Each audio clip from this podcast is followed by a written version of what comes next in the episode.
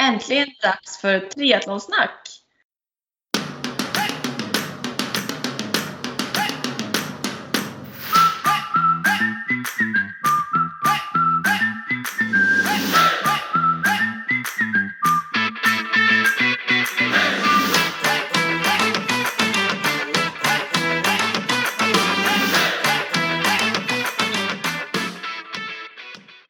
Det här är avsnitt 15 med mig Sofia Häger och Med mig Therese Granelli. Avsnitt 15, ja det, det var jag inte med på. Vad roligt. ja, jag tror jag har räknat rätt i alla Ja, fall. det, det tror jag med du har. Ja. Ja, Vad, vad har hänt sen sist Therese? ja, Det är två det, veckor sedan. ja exakt och eh, det lite, lite drygt två veckor sedan till och med. Lite senare den här veckan. Ja, precis. Eh, ja, det har hänt eh, en hel del. Magen växer. Jag har gått eh, lite utbildning eh, inom ja, jag har gått, blivit instruktör i rörlighetsträning. Kan du tänka Oj. dig? Ja, det, det är min svagaste länk här. Så att jag tänker att inspirera andra till det så måste jag själv bli bra på det. Så Har du någon så här en bra rörlighetsövning eller något att tänka på för en triatlet? Jag tänker ju höfter eh, med tanke på att man, det är en, de flesta blir stela i höfterna jag på att säga, man sitter mycket och så. Men cykling är ju verkligen en sån grej. Ja. Eh, man blir jättestel i höfterna. Så öppna upp höfter, det finns mycket övningar för det. Men eh, det är ju själv då min svagaste punkt. Mm, men det kanske vi kan komma in på mer Ja, något annat ja, tillfälle. Och sedan hade vi ju ett jätteroligt träningsevent i helgen där du också var nere här i Göteborg. Ja, ja jättekul att vara i Göte- Göteborg. Inte lika kul att åka hem. Jag tänkte faktiskt upp det att du måste få berätta om din hemresa. Alltså, Ja, jag. Men ja, tillbaka till eventet så det var jättekul att vara där. Jag gjorde det som en liten så här, dagsutflykt med min mamma och sen jättekul att träffa dig och din familj. ja, jag hade ju både mamma och pappa där. Pappa spontananmälde sig och, och Viktor skulle inte heller komma, min sambo. Men han dök upp på träningen bara. Han skulle ut och cykla ett långpass. Men det var ju total storm här i Göteborg. Ja. Det blåste typ över 20 sekundmeter och jag bara, men kom på mina klasser istället. Så ja, han det kom var och kul tränade. tycker jag. Ja, Hur tycker du det var då som var mer ledare och föreläsare och instruktör? Och... Jo men jag tyckte det var jätteroligt och det var jätteroligt att få föreläsa och få berätta min story. Eh, och sedan eh, klasserna, alltså det var ju jättehärliga människor. Det är det ju alltid på sådana event. Så Pratade du med Emily, grundaren, och hon var nöjd efter? ja, hon var jättenöjd har hon sagt. Så det var ju roligt också. Det var ju klart att man vill att eh, och, och Stina, de har gjort det tillsammans. Eh, Jag vet Mm. inte vad hon heter efternamn, men Stina och Emily hade det. Eh, anordnade allting då. Mm, och de verkade En jättenöjda. De skulle- Exakt, och de skulle köra samma koncept en gång till nu i vår. Så det, eller ja, i februari eller vad det var. Så Ja. det betyder ju ändå att de tyckte det var roligt och ville köra fortsätta. Precis. Mm. Ja, nej men riktigt kul. Och sen så skulle du då åka hem på söndag eftermiddagen. Och hur gick det? Ja, jag åkte ju till, eh, med mamma dit från Skövde för jag sov en natt hos dem. Mina föräldrar bor i Skövde. Eller i Skara bor de, men jag säger Skövde för det är en lite större stad. Eh, och skulle mamma åka bil hem till sig och jag skulle åka tåg hem till mig i Linköping. Så hon släppte av mig på stationen. Eh, tåget rullade iväg som det skulle efter typ en kvart, inte ens en kvart tror jag, så stannar tåget och de säger ja vi vet inte vad det är för fel men vi får inte fortsätta och efter ytterligare en stund så bara det har fallit ner ett träd på någon kontaktledning. Och utan, ja det här tar ju två timmar ungefär, står vi still där. Vi har inte ens kommit till Lerum från Göteborg. Nej fy. Och jag, jag vet ju direkt att ja, jag kommer ju missa mitt byte som jag har i Katrineholm. Ehm, och tänk så här, stationen innan Katrineholm är ändå Skövde. Så då tänker vi om så här, så, ja men typ vid halv nio eller åtta någonting, och då var vi i Skövde så klev jag av där så mamma fick komma och hämta mig. Fick du träffa mamma igen? Det är Ja, det, där kom jag igen lite så här, jaha, hon, hon hoppas hon skulle slippa mig men nej. Eh, Så då åkte vi hem, så sov jag där en natt till och planerade så här för morgondagen för jag ville ändå komma iväg så tidigt som möjligt eftersom jag skulle jobba igår då, Men måndag. vad sa jobbet då? Det var lugnt eller? eller du... Ja, jag hade några möten men jag fick ju boka om dem chefen var liksom, ja men sånt händer ju, det är ju skit liksom. Eh, och sen kunde jag lite svara mejl och sånt och finnas tillgänglig fanns jag ju.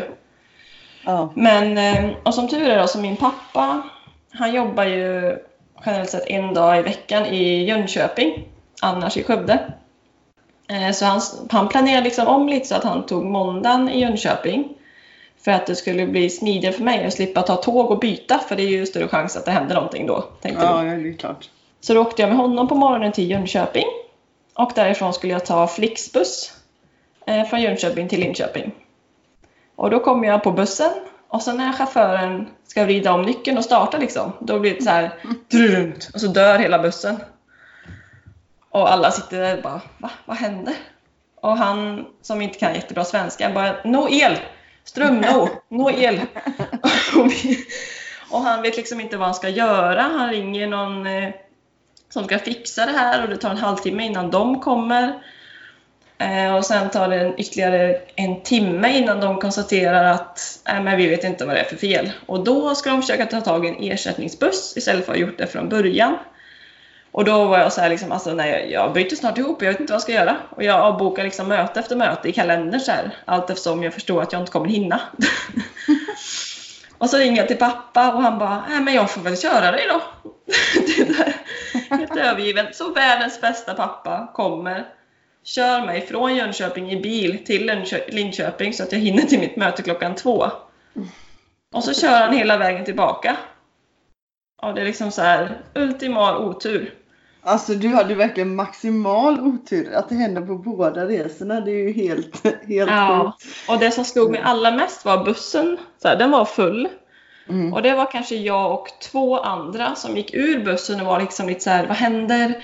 Eh, kommer vi komma iväg? Ska jag försöka hitta någon ersättning? Resten satt liksom kvar i bussen, helt chill. Bara satt och väntade eller sov eller liksom, jag bara, alltså har folk ingenting, ingen tid att passa? Har de liksom inget att göra? Jag vet inte. Jag fick typ panik på att ingen annan fick panik. Men eh, ja, så en lång resa hem och just nu känner jag att jag vill aldrig mer åka tåg och buss. Jag förstår dig och jag har ofta den här känslan. De är inte, det är inte så pålitligt. Nej. Nej, fy. Ja, du hade inte någon direkt tur där. Nej, så en, eh, ja, en lång utläggning där men Men vi, men eh, vi får verkligen tacka dina föräldrar. Vilka under, vad snälla de är. Inga Ja. små streck, eller ingen liten sträcka din pappa körde. nej precis, han körde bara hit och vände för jag hade ju bråttom till jobbet liksom. Så ja, det var himla snällt. Ja, verkligen. Men annars utöver det då, vad jag har gjort senaste veckorna är att jag har, eh, jag har ju en ny roll på jobbet. Eller jag kallar den fortfarande ny för jag känner mig ny. Eh, Och den går väl lite hackigt framåt men jag lär mig jättemycket eftersom det är lite mer teknisk roll än vad jag haft innan. Eh, Så det går väl bättre och bättre. Och angående min skada kan jag uppdatera lite. Jag går ju på laserbehandling en gång i veckan Mm. och ska göra det i två veckor till tror jag. Och eh, fortsätter med de rehabövningarna jag har fått nu sedan två veckor tillbaka. Och jag tror faktiskt att skadan är lite bättre. Så att det går nog åt rätt håll. Härligt att höra. Och som innan så underhåller jag liksom löpningen på samma nivå. Men det känns liksom lite lättare i steget på något sätt. Även fast jag kör liksom samma distans och ungefär samma tempo. Mm. Ehm, Så ja, annars är det mest det löpningen det jag tycker är roligast just nu. Jag har tappat lite så här motivation för simning och cykel och annat. Men det är väl Det är det du har hållit på med så mycket också. Ja, det är väl lite det här höstet. Idag spöregnar det liksom hela Ja. dagen. Vem vill cykla ute? Eh, Nej, precis. Men hur går det med din eh, mage? Måste vi uppdatera innan vi sätter igång temat. Ja, nej men det går jättebra. Alltså verkligen. Jag har ju haft världens bästa graviditet får jag väl säga. Eh, veck- av dig som instruktör i söndags. Det märks ju inte att du var gravid om man tar bort magen liksom. Man ser det bara. Ja, Ja, jättepepp och full av energi och det märks inte om du tyckte det var jobb, så här extra obehagligt eller något sånt. Nej, det, och det, ja, det kan komma lite sådär känningar ibland men då får jag bara helt enkelt inte vrida på lika mycket motstånd eller så. Jag försöker ändå så att det ska se lika... Svettas gör jag ju så. Men ja. nej, verkligen det går jättebra. Men jag har ändå bestämt mig nu att eh, jag går in i vecka 35 nästa vecka och då kör jag mina sista klasser. Så jag har bestämt att jag ska ta det lugnt de sista fem här som jag har kvar. Det eh, Ja, jag känner också det och det är mer för att jag behöver sätta sådana gränser istället för att jag Annars kunde jag nog kört fram tills jag vecka 40 antagligen. Ja. Men, eh, och sen, eh, men annars så, ja, träningen går jättebra och jag, jag, jag måste ju röra på mig för att må bra så det gör jag ju. Men däremot märker jag ju att jag behöver eh, desto mer vila emellan liksom. Så att jag ja. sover desto mer och blir trött om jag inte gör det. Och, har vissa nätter när jag tyvärr sover dåligt så då tar det ut sin rätt. Nu har jag haft, hade jag det där lite lördag till söndag och söndag till måndag. Så igår var jag ett, alltså jag var ett lik på jobbet. Jag, jag bara förvarnar. Det är, bara, det är min kropp som är här liksom. Men jag är inte med. jag är inte i den. Och sen det, är väl, jag... ja, det är väl bra att du tränar på dåliga sömnnätter kanske? Ja men exakt. Det är väl en del av det hela. Det kommer bli den nya standarden sen. Ja. Nej men sen eh, hade jag mina klasser och det gick, det gick bra ändå liksom. Och där får man ju energi. Som, ja, de ger ju så mycket tillbaks. Eh, men sen jag, i natt har jag sovit, jag vet inte, tio timmar. Och jag har varit hemma och jobbat och eh, eh lunchen sov jag också. Så jag bara såhär, jag kan nog sova ett dygn om jag får.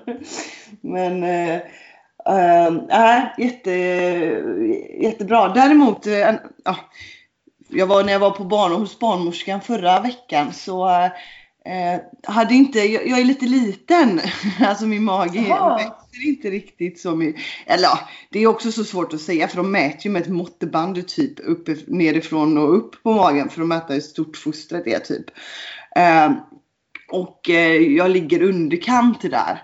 Eh, så jag ska dit igen denna veckan för att göra det en gång till och annars gör man ultraljud så man ska väl inte det, man vet väl inte än om det är något, något som är konstigt men eh, det, ja, vi får hoppas att det växer bra här nu den här veckan så att det ser bättre ut när jag ska dit på fredag. Absolut. Men det är ju en sån sak man blir lite så orolig för. Var, varför då? Ska jag äta ja. mer eller gör jag något fel? Men man kan tydligen inte påverka det. Så, eh, så vi får helt enkelt bara hoppas att det var tillfället. Att den låg inåt i magen eller något. Kurat ihop sig mycket när jag var där. Ja, vi kommer få uppdatering här i alla fall hur det går ja, hela, hela vägen. Det ska ni absolut få. Ska vi hoppa in i dagens tema? Det tycker jag vi ska göra. Och dagens tema är off-season.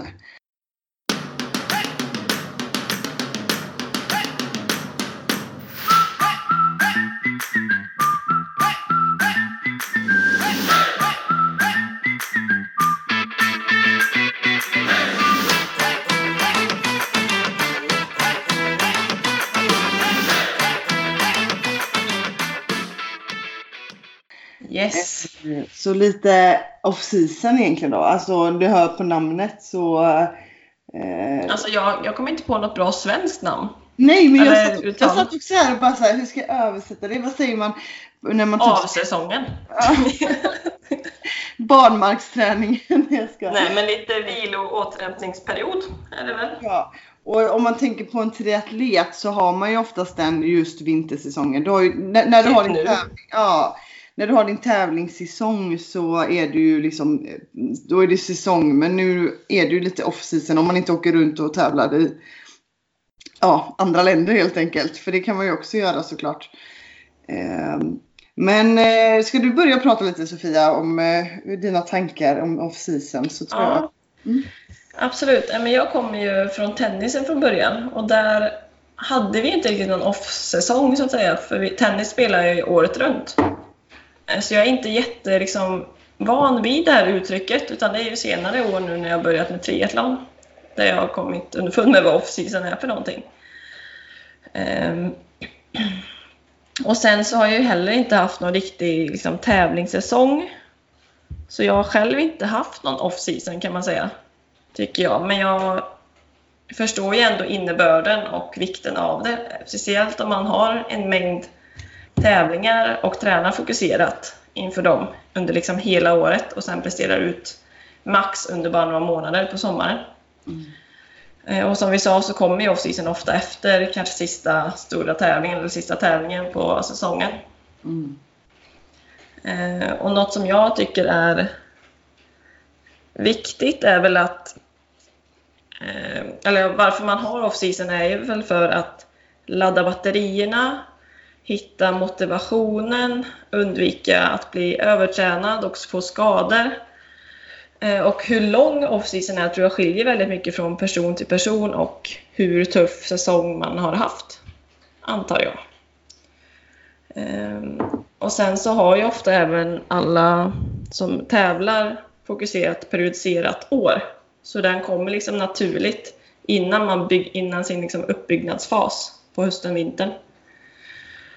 Um, alltså jag själv är inte jättebra erfarenheter, eller jag har inga erfarenheter av off-season.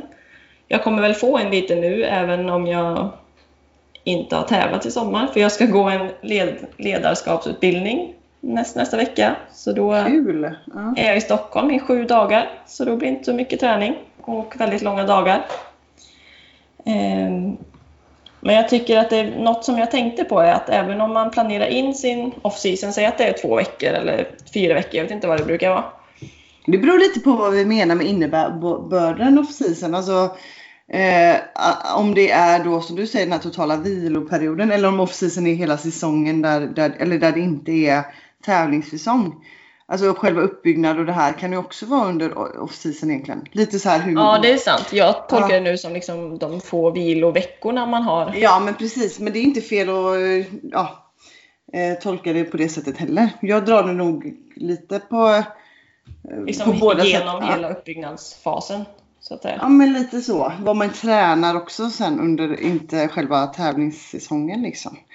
Men eh, ja, ja, det är helt Helt rätt att det är väldigt, väldigt viktigt att lägga in viloperioder. Så som du säger i två veckor eller fyra veckor när man verkligen tar det lugnare och återhämtar kroppen. Ja, och jag känner också när man är klar med den en, två veckorna och vila, alltså hel vila, att man bara kör sånt som man verkligen tränar sånt som man känner för ett tag. Kanske man testar andra sporter. Många i triathlon kör ju mountainbike till exempel. För att man tycker det är kul. Det är ändå stor relation till cyklingen. Mm. Eh, och sen är det en väldigt bra tid att liksom reflektera och testa om man vill fundera på att ändra teknik i någon disciplin. Kanske simningen, kanske köra lite mer teknikpass än att eh, träna lika mycket på flåset. Eh, och sen, ja, så tänker jag. Och lite släppa, som du och jag pratade om innan, släppa tankarna på just triathlon och prestation. Att man bara liksom går på känsla, gör det man känner för och eh, liksom laddar om. Exakt. Få lite, ja men bara vad man tycker är kul. Det, glädjen gör ju jättemycket. Så är det ju. Ja, precis. Eh, för att samla energi och krafter. Det kanske inte är så kul alla gånger att göra alla de där aslånga passen eller det man måste under säsong. Eh, så att bara liksom släppa alla måsten och dras, göra det som man själv verkligen eh, tycker är roligast på träningsschemat. Ja, just under den här perioden, liksom oktober, november, då är det så himla långt kvar tills man ska tävla. Ja. Om man inte åker utomlands och kör någonting. Mm. Eh, så då kan det ju nästan vara svårt att motivera sig. Mm. Och kan vara lika bra att ta någon lite lugnare eller alternativ period. Verkligen. Eh, och speciellt om man har haft ett väldigt strikt schema under liksom hela året. Att man, ja, men nu kan man passa på att träna med vänner som kanske inte kör triathlon eller hitta på lite annat. Och unna sig sånt som man känner att man kanske har missat på grund av träningen. Ja men verkligen. Och så här, alltså, jag tänker också vem pratar vi till? För det är också väldigt, väldigt eh, är du en, en proffstriatlet och har ditt upplägg eller är det motionären så är det ju väldigt olika såklart också. Hur, eller elitmotionär. ja, en elitmotionären, exakt hur, hur det ska se ut, eller hur off-season ser ut såklart. Liksom. Och hur noga det är att hålla på. Jag tänker till exempel, det är ju verkligen så här, du blir bra på det du gör. Eh, så, så är du en proffstriatlet, det är klart, klart att du eh, vill hålla på med de grenarna även när det är off-season. Alltså att du vill cykla och springa och simma. För att, eh, ja, det är klart att eh, gå till gymmet och gå på trappmaskin, det ger dig också kondition. Men du blir inte bättre på att cykla av att göra den träningen. Eh, så, så att som så proffs då vill man nog oftast göra sin konditionsträning på någon av de specifika grenarna. Det är väl styrketräningen som jag då räcker upp handen för att man ska göra eh, extra mycket under vintersäsongen eller under off-season helt enkelt. Precis, men eh, viktiga är väl, förlåt nu avbryter jag dig, men mm. viktigt är väl att komma ihåg att även om man är elit, då har man ju ofta en coach och de lägger ju ändå in viloperioder eller off-säsong. Absolut. Absolut. Eh, och det visar ju på vikten av det. Mm. Ja, man kanske till och med blir bättre av att dra ner på träningen än att prestera hela tiden. Men om man drar parallellen med motionären då så kanske det viktiga är att få till träningen överhuvudtaget. Och, så där är det kanske inte lika viktigt att eh, ja, men cykla utan då går det lika bra att göra något annat. Istället ja, precis. liksom det som är roligt. Och jag tänker eh. att är man på den nivån så att man tränar, även om man håller på med triathlon, men man tränar kanske två, tre gånger i veckan eh, och man kanske har tävlat, kört två tävlingar i sommar på lite skoj, alltså då behöver man egentligen inte någon off-season heller. Nej, Utan då, nej, man kan ju gå på känsla bara och träna det man vill, men man, det är inget fel för den personen då att träna tre gånger i veckan. Mm. Mm. Ehm, men du då Therese, du har ju också lite, inte heller riktigt någon erfarenhet av off-season. Men du håller på med den här konstiga idrotten på snö. Ja, den fantastiska idrotten på snö. Så min säsong börjar ju nu skulle jag säga. Jag tänkte sen när du är mamma sen, då ska jag ju faktiskt få lära mig. Ja, Lite ja, skidåkning. Alltså, verkligen, ni ska komma ner och åka skidor i skidhallen här. Eller om vi ser, eller det kanske alltså, jag, ska, jag ska inte åka tåg. Jag får... Nej, eller så möts vi typ Ulricehamn eller något så vi kan åka ute när det har kommit lite snö där. För det är väldigt fint i Ulricehamn och Borås att åka. Ja, det är favoritställen. Ingen aning om det är närmare för mig men ja. Det blir... Jo men det är på vägen till Göteborg om du skulle åka bil i alla fall. Ja, planerar vi in. Det tycker jag. Eh, nej men som sagt, jag, precis som du säger, jag, eh, har ju både sommar och vintersport som jag håller på med och verkligen tränar året om mycket och alla, alla grenar är ju långdistans.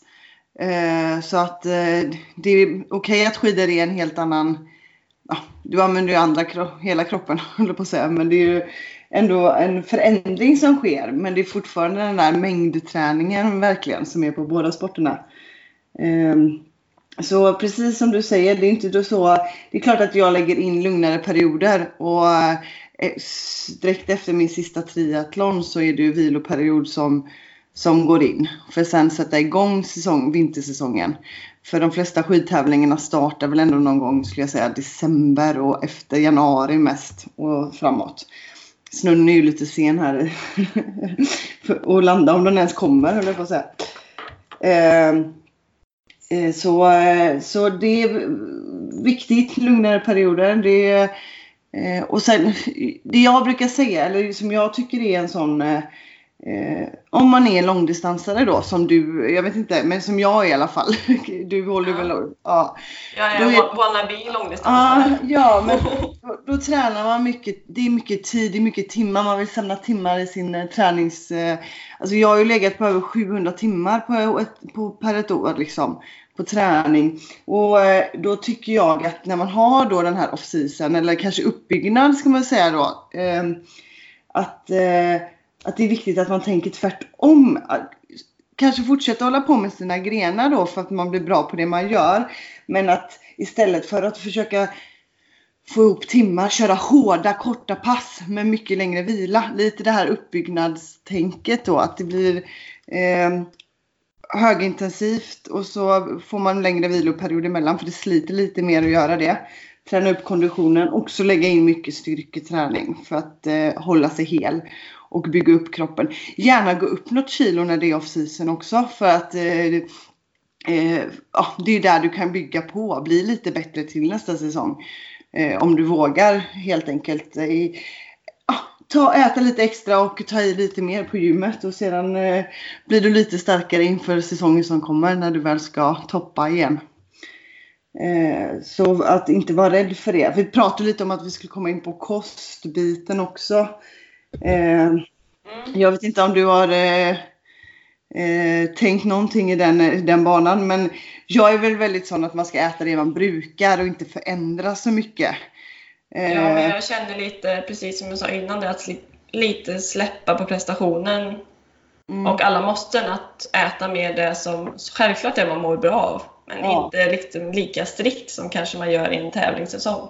Nej men exakt. Och äm, fortsätta äta bra och varierat för det är ju det som är det viktiga. Ehm, så att man ändå håller sig hel och stark. Precis. Skräp, skräp är ju aldrig bra att äta. Det får man ju, det köper den där. Det är någon som sa 80-20 regeln. Att äter du pro- 80% bra så är du liksom, ja då har man råd att kanske eh, ta sig någonting de andra 20 procenten liksom.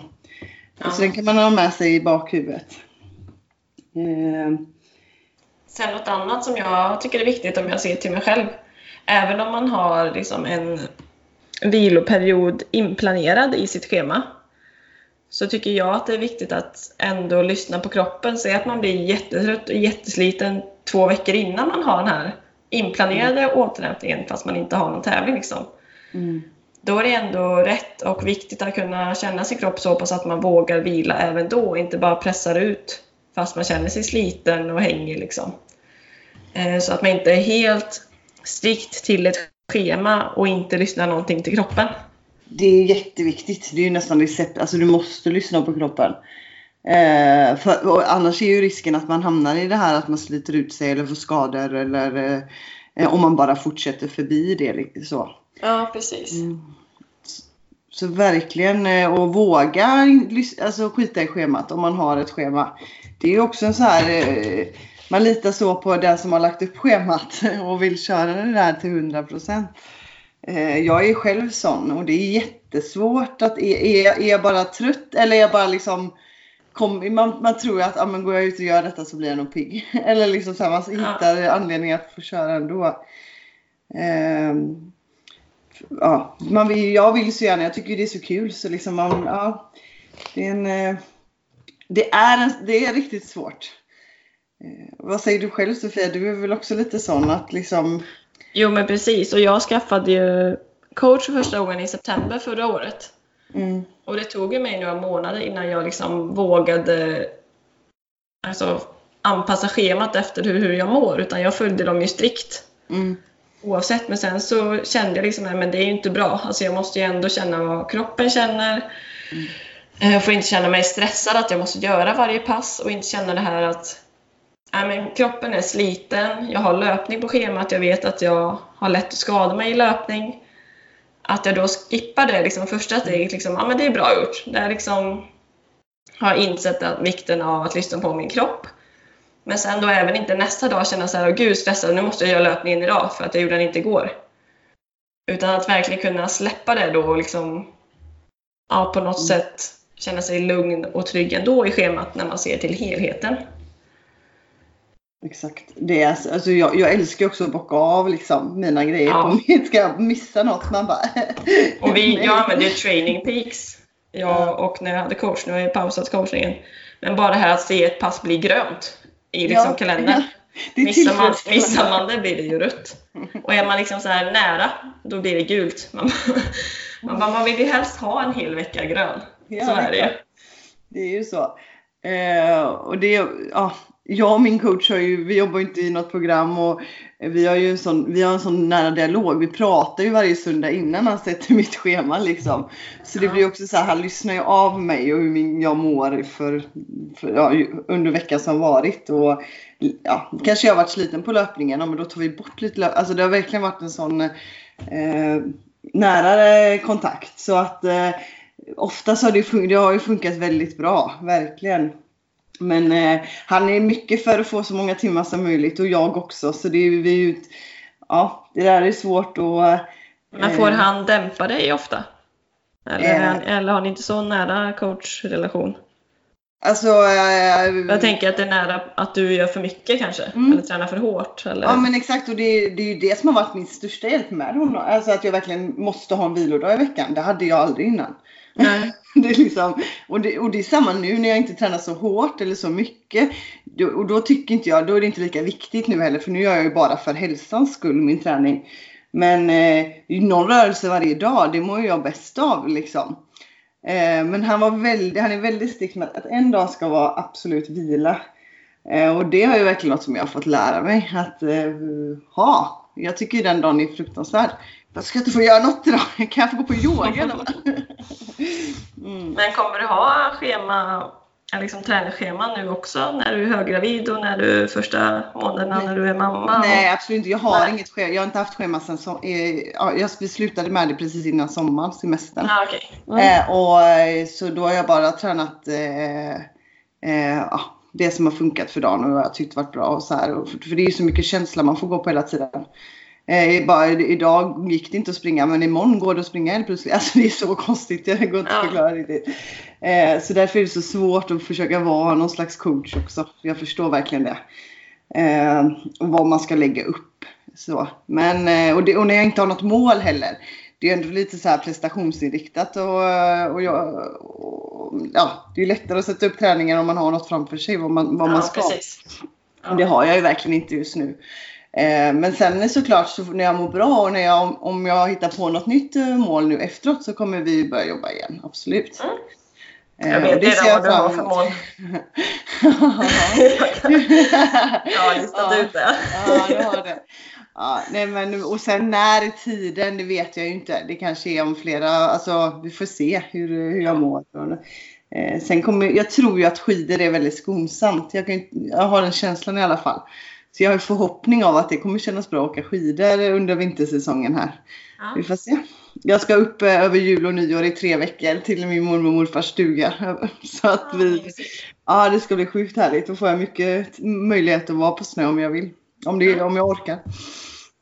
Och eh, vad heter det, barnet får ligga i eh, pulkan bakom. Den har inget val. I ryggen bakom. ja, jag har ju faktiskt införskaffat en sån där skidvagn typ. Som man kan Men ha det är klart att du har. ja, man får ju ge sig själv de bästa förutsättningarna i alla fall. Ja, vi får ju ha något avsnitt sen med alla förberedelser man måste tänka på när man blir gravid första gången. Typ så här, alla prylar man måste köpa för att kunna idrotta. Hur man... ja, du ska bara veta vad skrattar när man går in i våra ja. ja.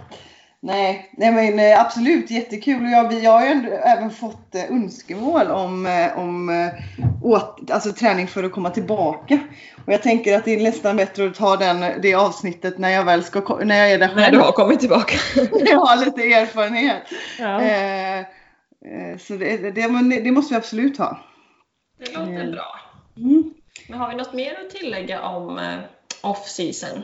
Det finns väl hur mycket som helst att säga om off-season. Jag tänkte på en sak. Mm. Eh, till exempel om jag går till mig själv mm. och ska ha off-season. Då är det absolut viktigast för mig, kanske då med min bakgrund, att kanske ta det lite lugnare med löpningen till exempel om jag nu har haft en hård säsong som det där jag känner mig mest skadebenägen. Mm. Och det är olika för alla. Vissa kanske har jätteproblem med en axel i simningen. men då kanske det är simningen man ska chilla lite med. Mm. Speciellt under de veckorna, men det kanske inte gör lika mycket att man cyklar mycket. Eller så. Exakt. Ett annat tips som jag också lite så, det är egentligen ja, att simma mycket om man är som jag som gillar att röra på sig.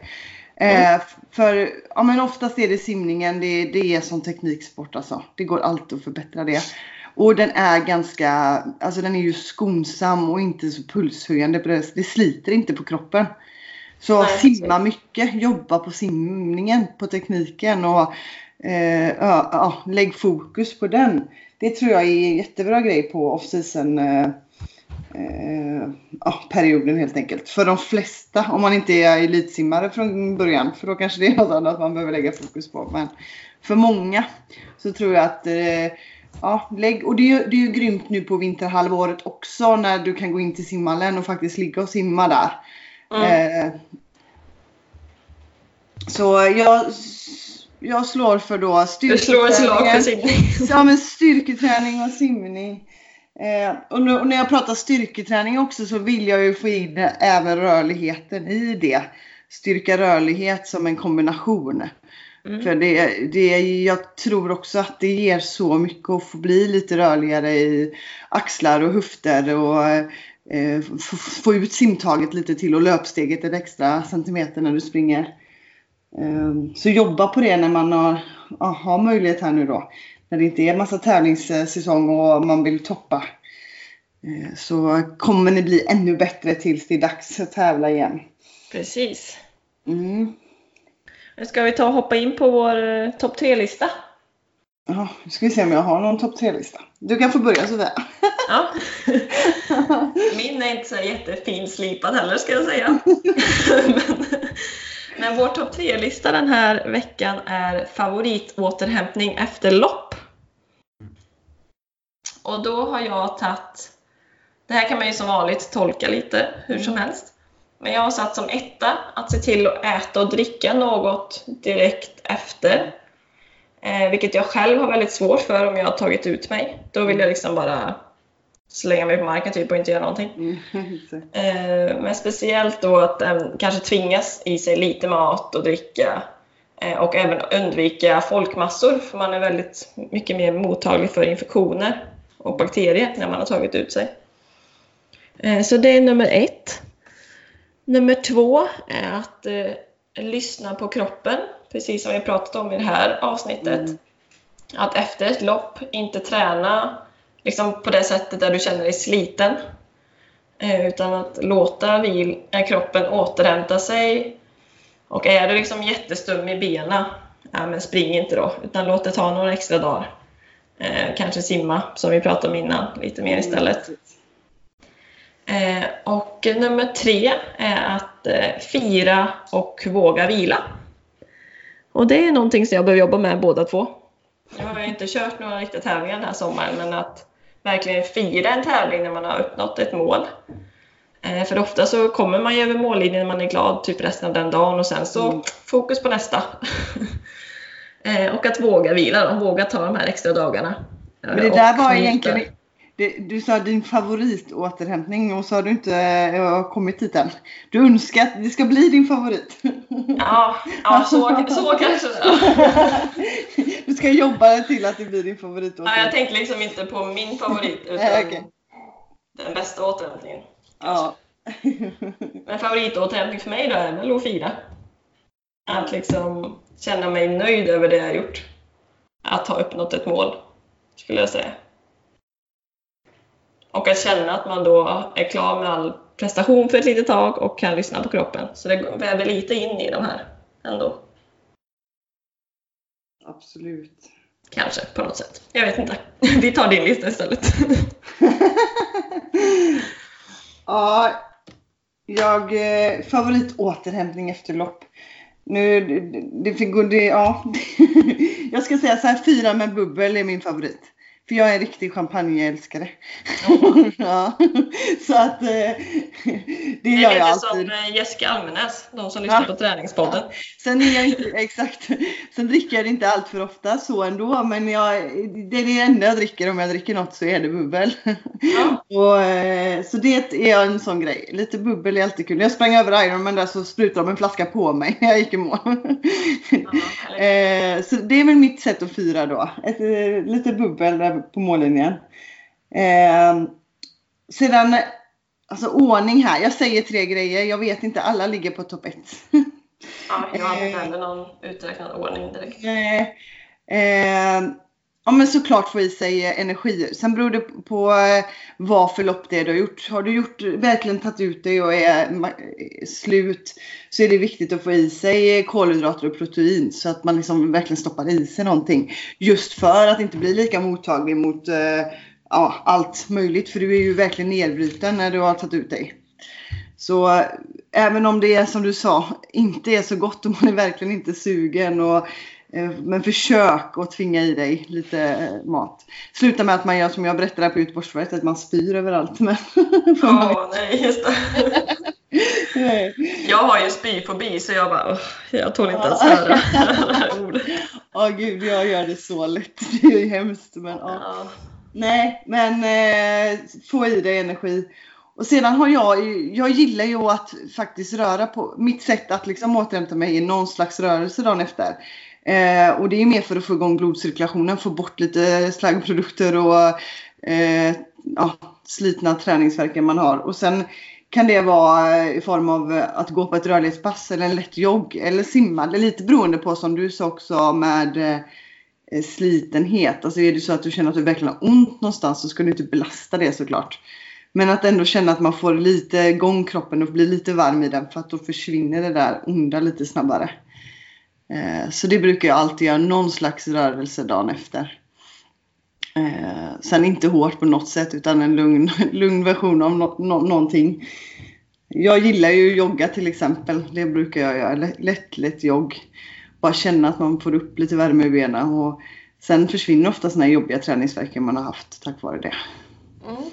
Så det är väl mina tre. Så bubblet står jag, ställer jag på ettan tror jag. Den kan man inte missa. ja men det låter bra. Ja.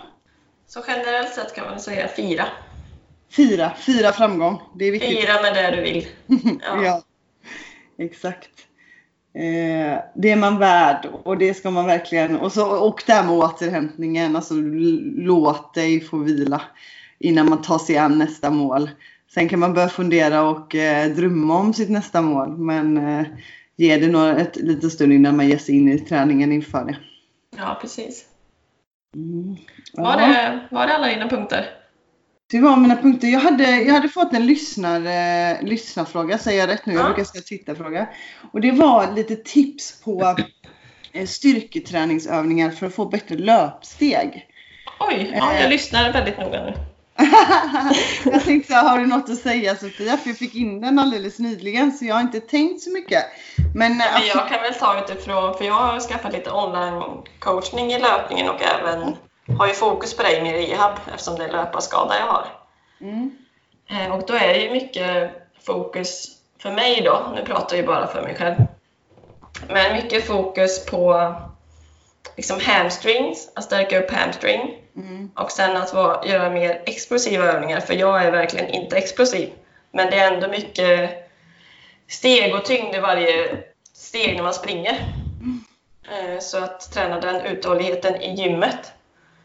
Så de övningarna jag kan bara tipsa om lite så här på rak arm är väl bulgariska utfallssteg. Där man har bakre sidan, eller bakre benet upphöjt och gör utfallssteg. Eh, höftlyft med ett ben uppåt och gärna det andra benet på något, någonting som är upphöjt. Det tar väldigt bra i hamstring. Mm.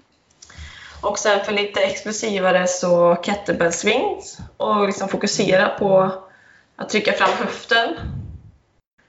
Eh, och det tar ju liksom i rumpan, glutes och hamstring. Och sen eh, step up gör jag också på en liten bänk och har någon vikt på axlarna och försöker explosivt snabbt komma upp med benen. Eh, det är svårt att beskriva en övning så jättebra. Ja, vi får lägga ut film på det på vår triathlon eh, snacks ja. Instagram. Vi får ja, filma det Sofia. Ja, det tycker mm. jag. Det är, de här, det är de här övningarna där. Och, jag, och jag, jag tycker de alla låter väldigt bra. Eh, verkligen bra löparövningar. Mm. Jag själv delar lite upp det. Eh, alltså det finns hur mycket bra löparövningar som helst. Mycket fokus är ju såklart på höfter, ben, baksida, explosivitet. Eh, och då hade jag velat dela upp det att man först, ja, men lite som man periodiserar trä annan träning också, att lite tyngre basövningar eller ja, övningar för att stärka upp benen i början för att sen gå över till det explosiva mer intill säsongen sätter igång. För den är, att få igång det är lite mer explosiva och lättare träningen. För då vill man inte ha så tung, få träningsverk och träna så tungt liksom. Utan att man eh, bara jobbar explosivt med lite lättare vikter och mycket spänsthopp och frånskjut och, ja, och så vidare. Men det är samma där, det är nästan så att vi ska visa övningarna eh, i form av att göra något inlägg och några, eh, eh några stories kanske. För det är ja, svårt. Det kan vi väl ta på oss du och jag att vi gör och lägger ut på vår Instagram. Ja men exakt. Du kan få äran att börja där och lägga ut dina övningar så ska jag tänka ut något bra. Uh, jag har mycket roliga explosiva övningar som vi ska jobba. Man ska ja, just för att få till det. När du springer så vill man ju vara lätt och få det här sista frånskjutet med. Uh, använda hälsenan liksom eller använda ja, tå, tå frånskjutet. Mm, det finns mycket bra övningar för det. Ja, det låter bra. Mm. Kul. Men eh, bra fråga och eh, det, det, det ger jättemycket att träna upp det. Träna upp styrka och eh, bara göra övningar för att få ett bättre löpsteg och lätt teknik. Det här har vi pratat om i löpavsnittet tror jag. Då var jag, gick jag igång också jättemycket. Det var Ja. Sen har jag också fått en del eh, lyssnarfrågor. Eh, men jag tänkte att de passar bättre till temat vi har, kommer ha nästa gång. Ja, Eh, för de är inte jätterelaterade till off-season. nej. Eh, utan jag sparar dem till nästa gång då vi har temat Titt, äh, lyssnarfråga, nu sa jag nästan. Ja, men Eh. lyssnarfrågor. Så vi vill... eh, Vi har ett helt tema ägnat åt just frågor, så vi vill gärna samla in från er alla som lyssnar. Yes, så skicka in till våra mail eller vår Instagram med era frågor. Och det kan vara allt. Alltså Ja, precis. världens bredd. Det är inget eh, Det liksom... kan vara om triathlon, annan träning, det kan vara om mig och Therese. mm, Eh, vad som helst generellt ska vi försöka svara så bra vi kan exakt. på dem. Eh, och det, vår mail är då triathlonsnack outlook.com och vår Instagram och Facebook hittar ni på triathlonsnack. Precis. Så mm. bomba oss med frågor nu så vi har mycket att få, få ta upp nästa, om två veckor.